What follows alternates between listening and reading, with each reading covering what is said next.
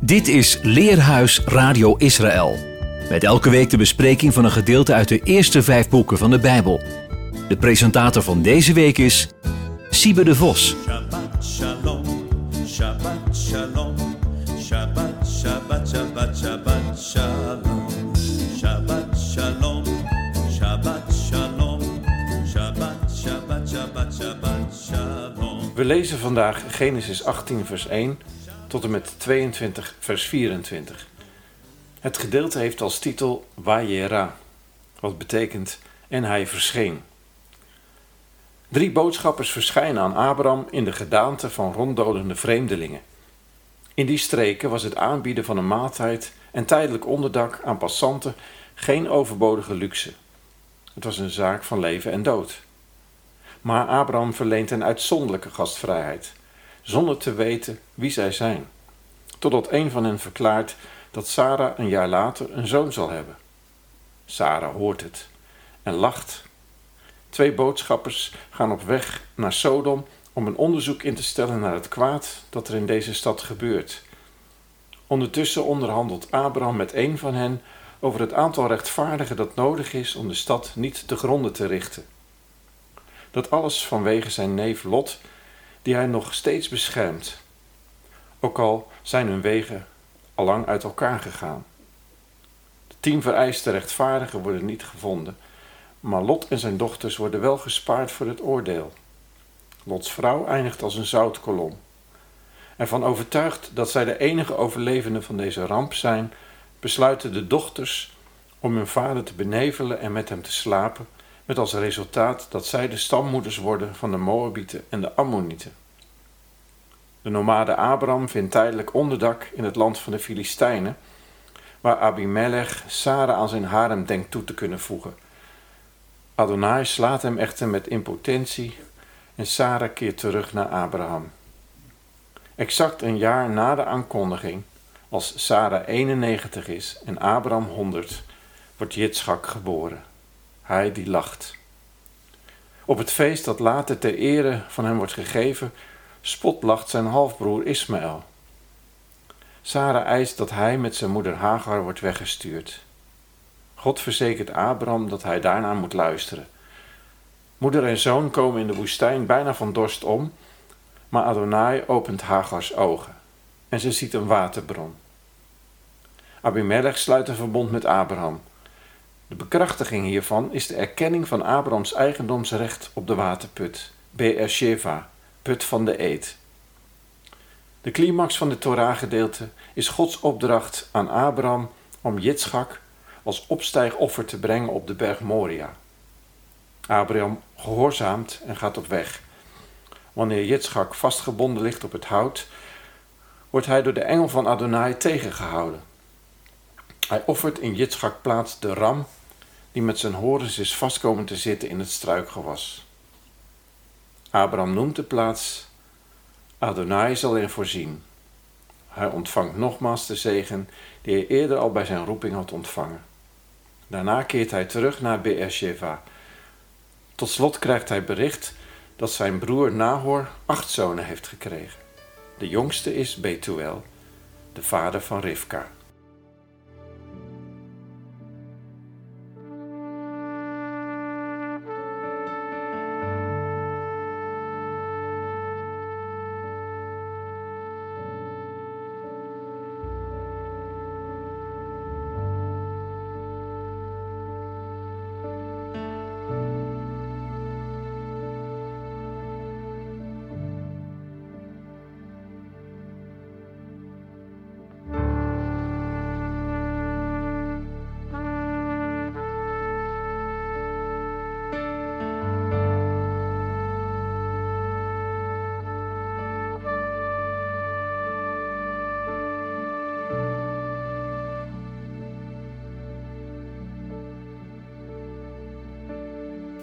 Wajera is een verbuiging van het woord ra'a, zien. Hier betekent het gezien worden, verschijnen. Het is opmerkelijk hoe vaak dit woord in dit gedeelte voorkomt, in allerlei varianten. Zien, zich laten zien, dus verschijnen, vooruitzien, uitzien. Een opsomming. Genesis 18, vers 1. De ene liet zich zien. In 18, vers 2 heft Abraham zijn ogen op en ziet. Zie daar, drie mannen. Hij ziet dat. In vers 16 turen de mannen over het aanschijn van Sodom. In vers 21 zegt Adonai tegen Abraham: Laat ik toch neerdalen en zien het geschreeuw uit haar dat tot mij is gekomen. In 19 vers 1 ziet Lot de mannen aankomen vanuit zijn positie in de poort van Sodom als voornaam ingezetene. In 19 vers 11 slaan de gasten van Lot de mannen van Sodom met blindheid. In 19 vers 17 manen de boodschappers Lot zijn vrouw en dochters om niet om te kijken. 19 vers 26 Lots vrouw, Lots vrouw kijkt om. Zij wordt een zuil van zout. 19 vers 28 Abraham ziet. Daar stijgt de rook van het land op als de rook van een oven. In 21 vers 16 wil Hagar niet aanzien hoe haar zoon Ismaël zou omkomen van dorst. 21 vers 19 Dan opent God haar ogen. In Genesis 22 vers 4 heft Abraham op de derde dag zijn ogen op en ziet van verre Hamakom, de plaats. Na Jitschak vraag over het ontbreken van een offerlam, zegt Abraham in vers 8: God ziet het voor zich, het lam voor een opgang. In vers 14, na een tussenkomst van de engel van Adonai, roept Abraham als naam voor die plaats uit: De ene zal voorzien, Adonai Jireh. Waardoor vandaag nog wordt gezegd: Op de berg van de ene is uitzicht, of op de berg van Adonai zal erin voorzien worden.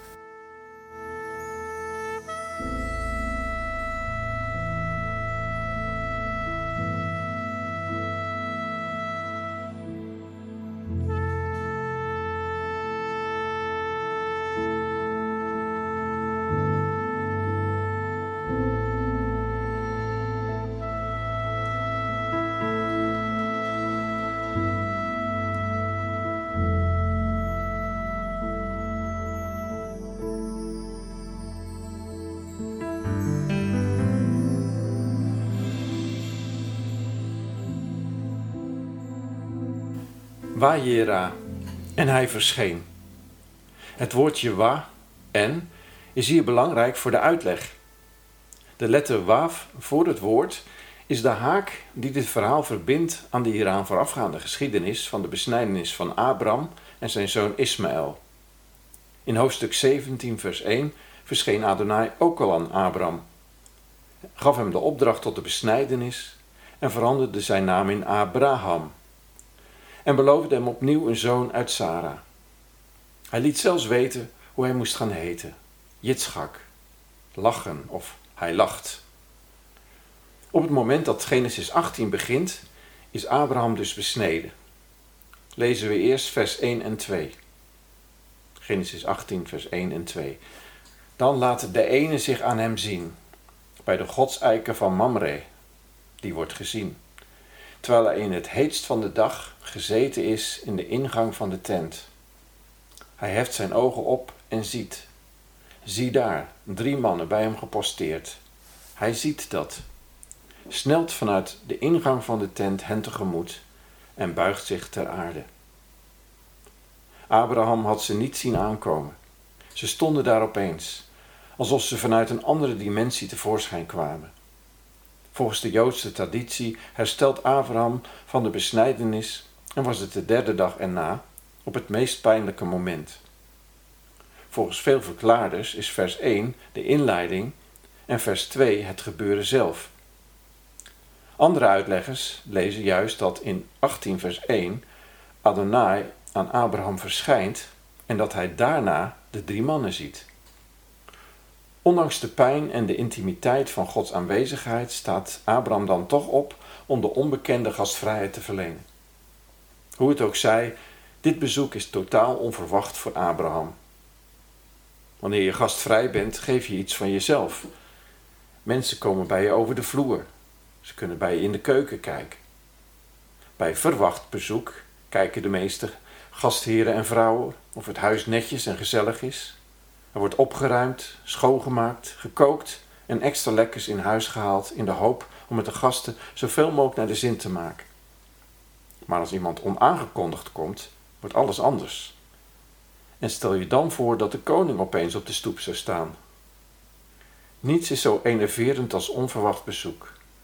Maar onverwacht bezoek kan ook opwindend en inspirerend zijn. In Malachi 3, vers 1 lezen we: Zie, ik zend mijn engel, die voor mij de weg bereiden zal. Plotseling zal naar zijn tempel komen de Heer die u aan het zoeken bent, de engel van het verbond, in wie u vreugde vindt. Zie, hij komt, zegt Adonai van de legermachten.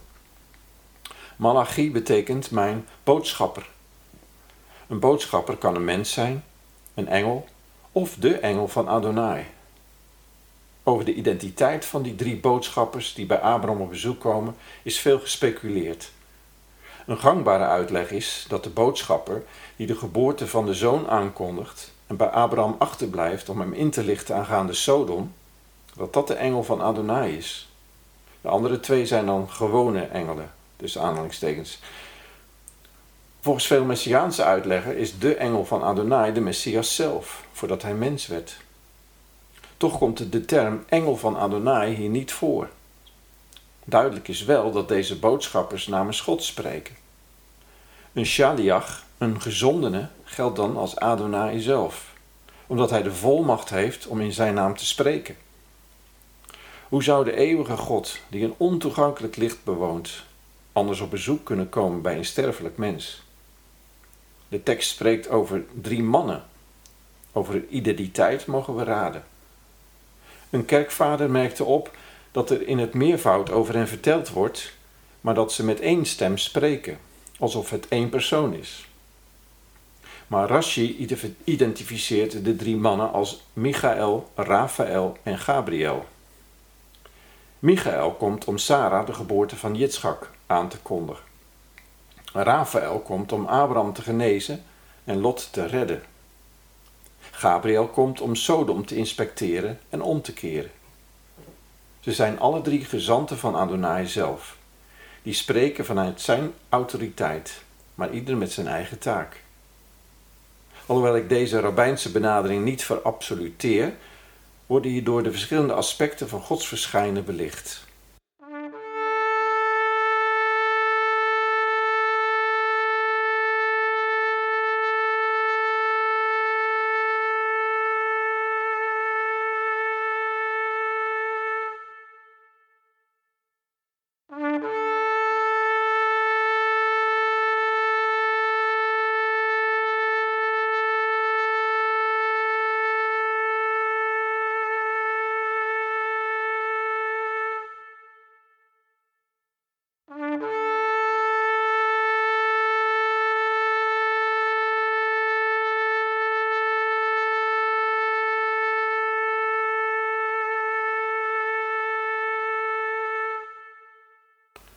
Gebeurt er als God verschijnt?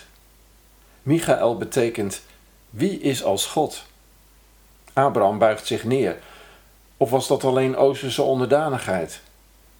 Hoewel er drie mannen staan, spreekt hij hen aan met Adonai, mijn Heer. Wat ook een verwijzing kan zijn naar de engel of naar Adonai zelf. Die neemt duidelijk het woord in Genesis 18, vers 10 tot en met 14 en vers 17 tot en met 33. Langzaam moet tot Abraham doorgedrongen zijn met wie hij eigenlijk te maken had. Zoals in Johannes, Johannes 21, vers 12, waar de apostelen al vissend een man aan de oever van het meer zien staan. Wanneer ze aan land gekomen zijn, zegt de man tegen hen: Kom, gebruik de maaltijd. En niemand van de discipelen durfde hem te vragen: Wie bent u? Want ze wisten dat het de Heer was. In Genesis 18, vers 10 wordt er ook gegeten. En Adonai zegt tegen Abraham: Terugkerend keer ik tot jou terug in de tijd van levensschenken. En dan is hier een zoon bij Sarah, je vrouw. Sarah luistert stiekem mee. Maar als ze in zichzelf lacht, zegt hij: Is voor de ene een woord te wonderlijk. Tegen de samenkomsttijd zal ik tot jou terugkeren in de tijd van leven schenken. En dan is er bij Sarah een zoon. De autoriteit waarmee wordt gesproken laat geen ruimte voor tegenspraak. In Genesis 21 lezen we: De ene heeft Sarah bezocht zoals hij heeft gezegd, de ene doet aan Sarah zoals hij heeft gesproken. Sarah wordt zwanger en baart aan Abraham een zoon. In de Haftarah-lezing uit 2 Koningen 4 komen we een geschiedenis tegen die hierop lijkt. In 2 Koningen 4 vers 16 zegt Elisha tegen de vrouw uit Shunem, die hem gastvrijheid had geboden, op deze gezette tijd, omtrent deze tijd des levens, zul jij een zoon omhelzen. En zij zei, nee mijn heer, gij man gods, lieg tegen uw dienstmaagd niet. Deze vrouw uit Shunem had Net als Sarah de hoop op een zoon al lang opgegeven. Het was een gepasseerd station. Ook in ons leven kunnen er dingen zijn waarop we al lang niet meer durven hopen. Zeker in de huidige tijd, waarin het net zich steeds meer om ons heen lijkt te sluiten. Zal er ooit een tijd komen zonder corona, zonder terroristische aanslagen, zonder zoveel verdeeldheid en verwarring? Kunnen we nog hopen op de verschijning van de Messias, Waar blijft de belofte van zijn komst? 2 Petrus 3, vers 4. In Jesaja 63, vers 19 verzucht de profeet Jesaja: O, als u de hemelen zou scheuren, als u zou neerdalen, voor uw aanschijn zouden bergen smelten. Maar Jitschak kwam op de vastgestelde tijd. Zowel bij de aankondiging als bij de geboorte zelf. In Genesis 18, vers 14 en 21 vers 2 wordt het woord moed gebruikt, vastgestelde tijd. Daarom wordt dit verhaal over Isaacs geboorte jaarlijks met Rosh Hashanah, Yom Teruah, gelezen. In oude tijden werden de nieuwe manen in verband met de Moedim ook door boodschappers verspreid. Uiteindelijk zal de Zoon zich in zijn volle glorie openbaren. Maar nu al leeft Hij in ons, die op Hem vertrouwen. We mogen de hoop niet laten varen om samen met alle die hem toebehoren de volle kennis van de Zoon van God te bereiken, de maat van de wasdom der volheid van de Messias. In Exodus 15 zong Mozes, Wie is als u onder de goden Adonai? Wie is als u, verheerlijkt in heiligheid, ontzagwekkend in lofzangen, u die wonderen doet. Who is like you,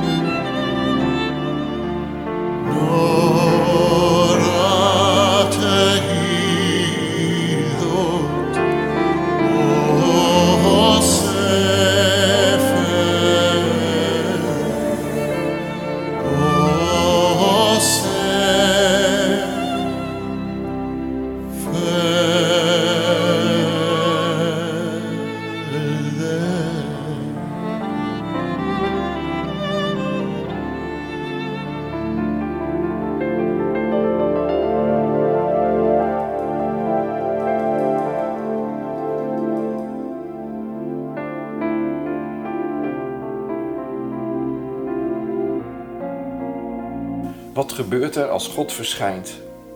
Smelt alles dan weg? Of is er ook heling? Raphaël betekent God geneest. Volgens een rabbijnse uitleg bezocht Adonai Abraham omdat hij ziek was van de pijn van de besnijdenis. We vinden dit niet direct terug in de tekst, maar dit bijzondere bezoek moet zeker zijn doorwerking hebben gehad in de mentale en emotionele toestand waarin Abraham en Sarah verkeerden. Hoop doet leven.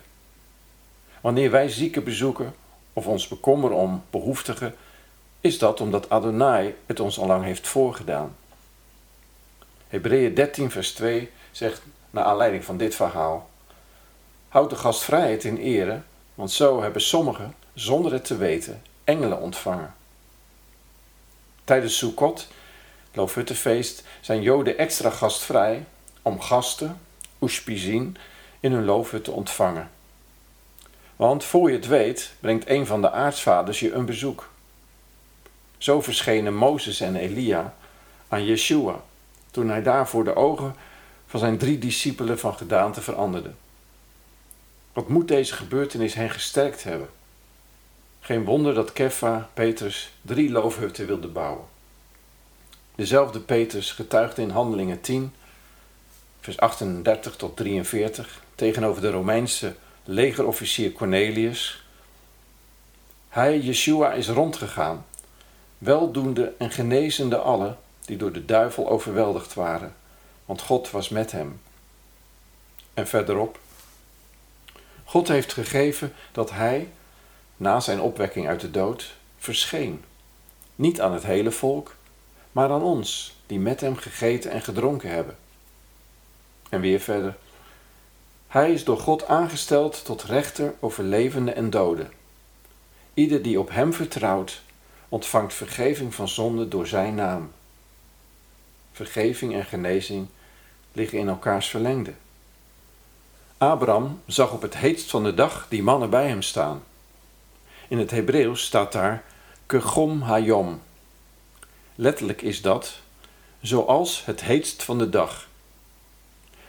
Volgens de Midrash verwijzen deze woorden daarom naar de dag van het oordeel, zoals er staat in Malachi 3, vers 19. Want zie, die dag is komend, brandend als een oven. Overmoedigen en boosdoeners zullen erdoor worden verteerd, maar gloren zal voor u die mijn naam vreest, de zon der gerechtigheid, met genezing onder haar vleugels.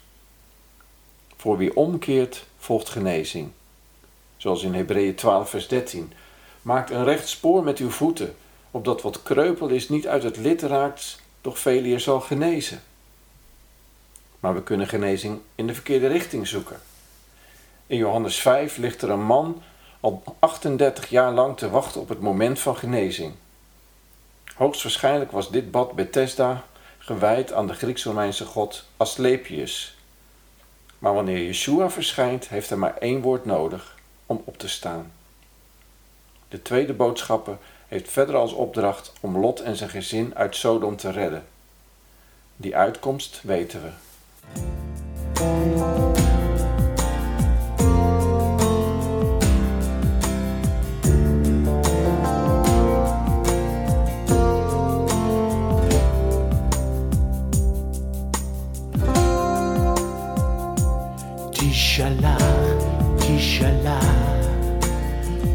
Will send your spirit, oh God, Tishalach, and we will be renewed, Tishalach, Tishalach, you will send your spirit, oh God,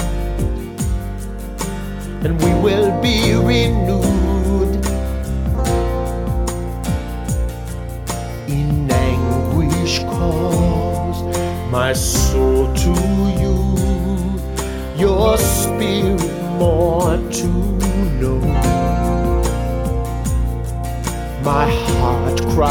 is out. I need again your spirit more to flow. Tishalah, Tishalah. You will send your spirit, oh God. Tishalah. And we will be renewed. Tishalah, Tishalah. You will send your spirit, oh God.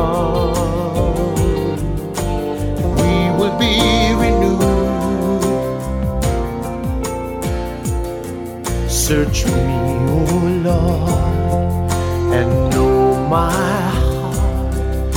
You know my every thought. Come sprinkle me with water clean. Restore what I have lost. Tishala, Tishala. You will send your spirit, oh God. We will be renewed. Tishala, Tishala. Will send your spirit, oh God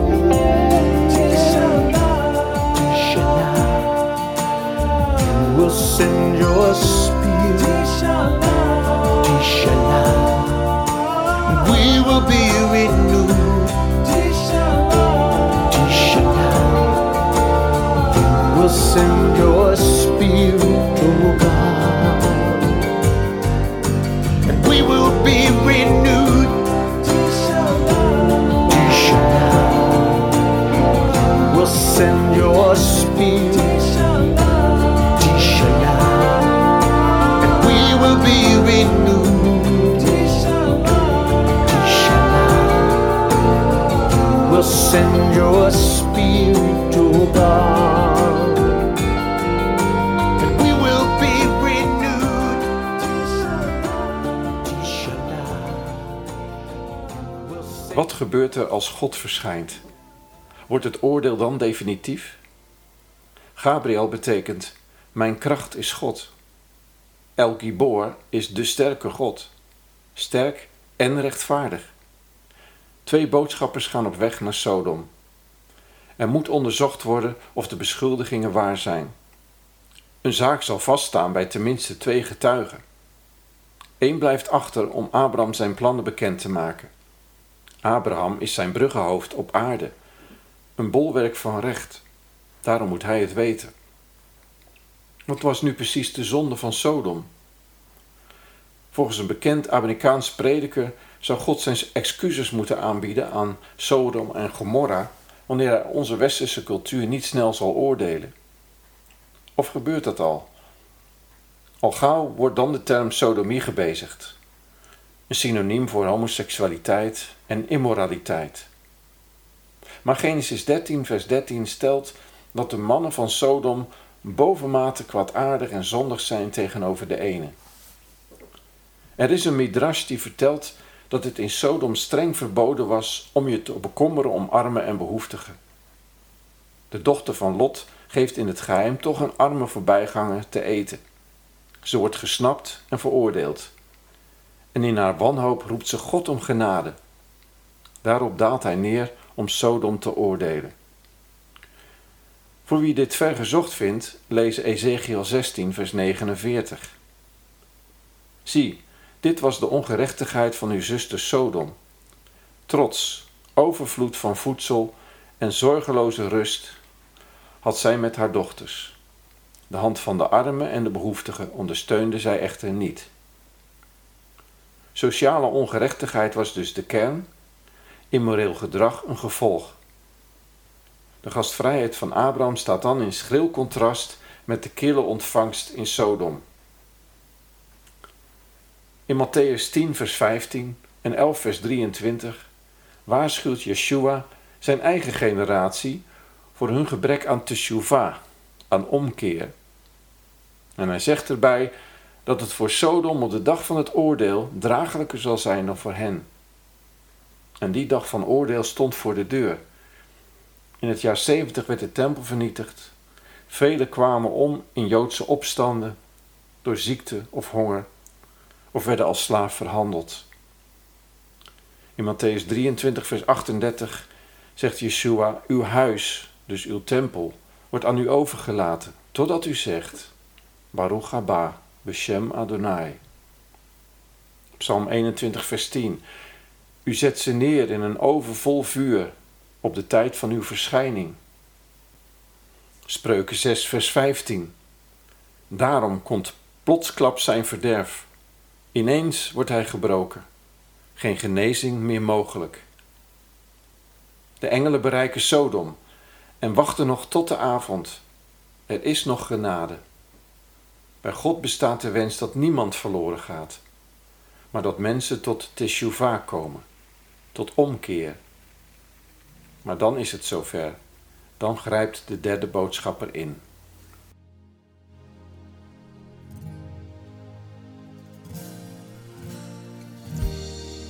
הראשון והאחרון,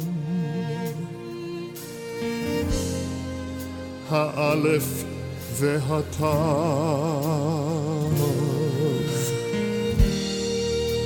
מלך הכבוד, מלך המלאכים. ישוע הוא אדון,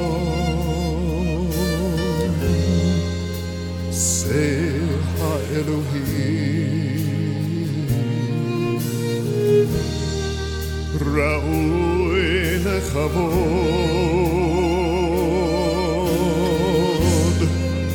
מלך המלכים,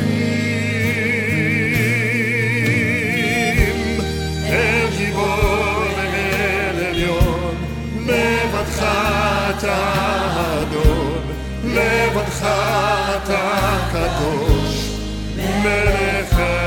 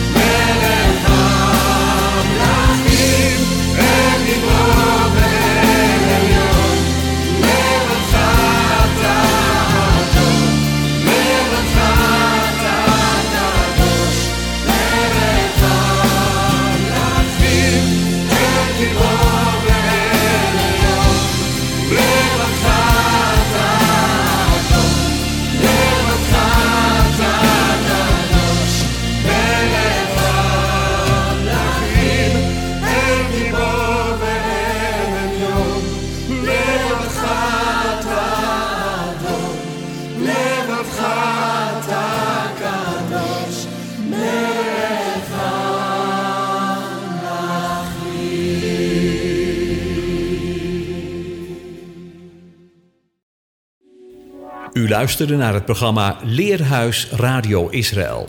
Een wekelijkse studie aan de hand van de Bijbelgedeelten die wekelijks door de Joodse gemeenschap worden gelezen. Heeft u een vraag of opmerking?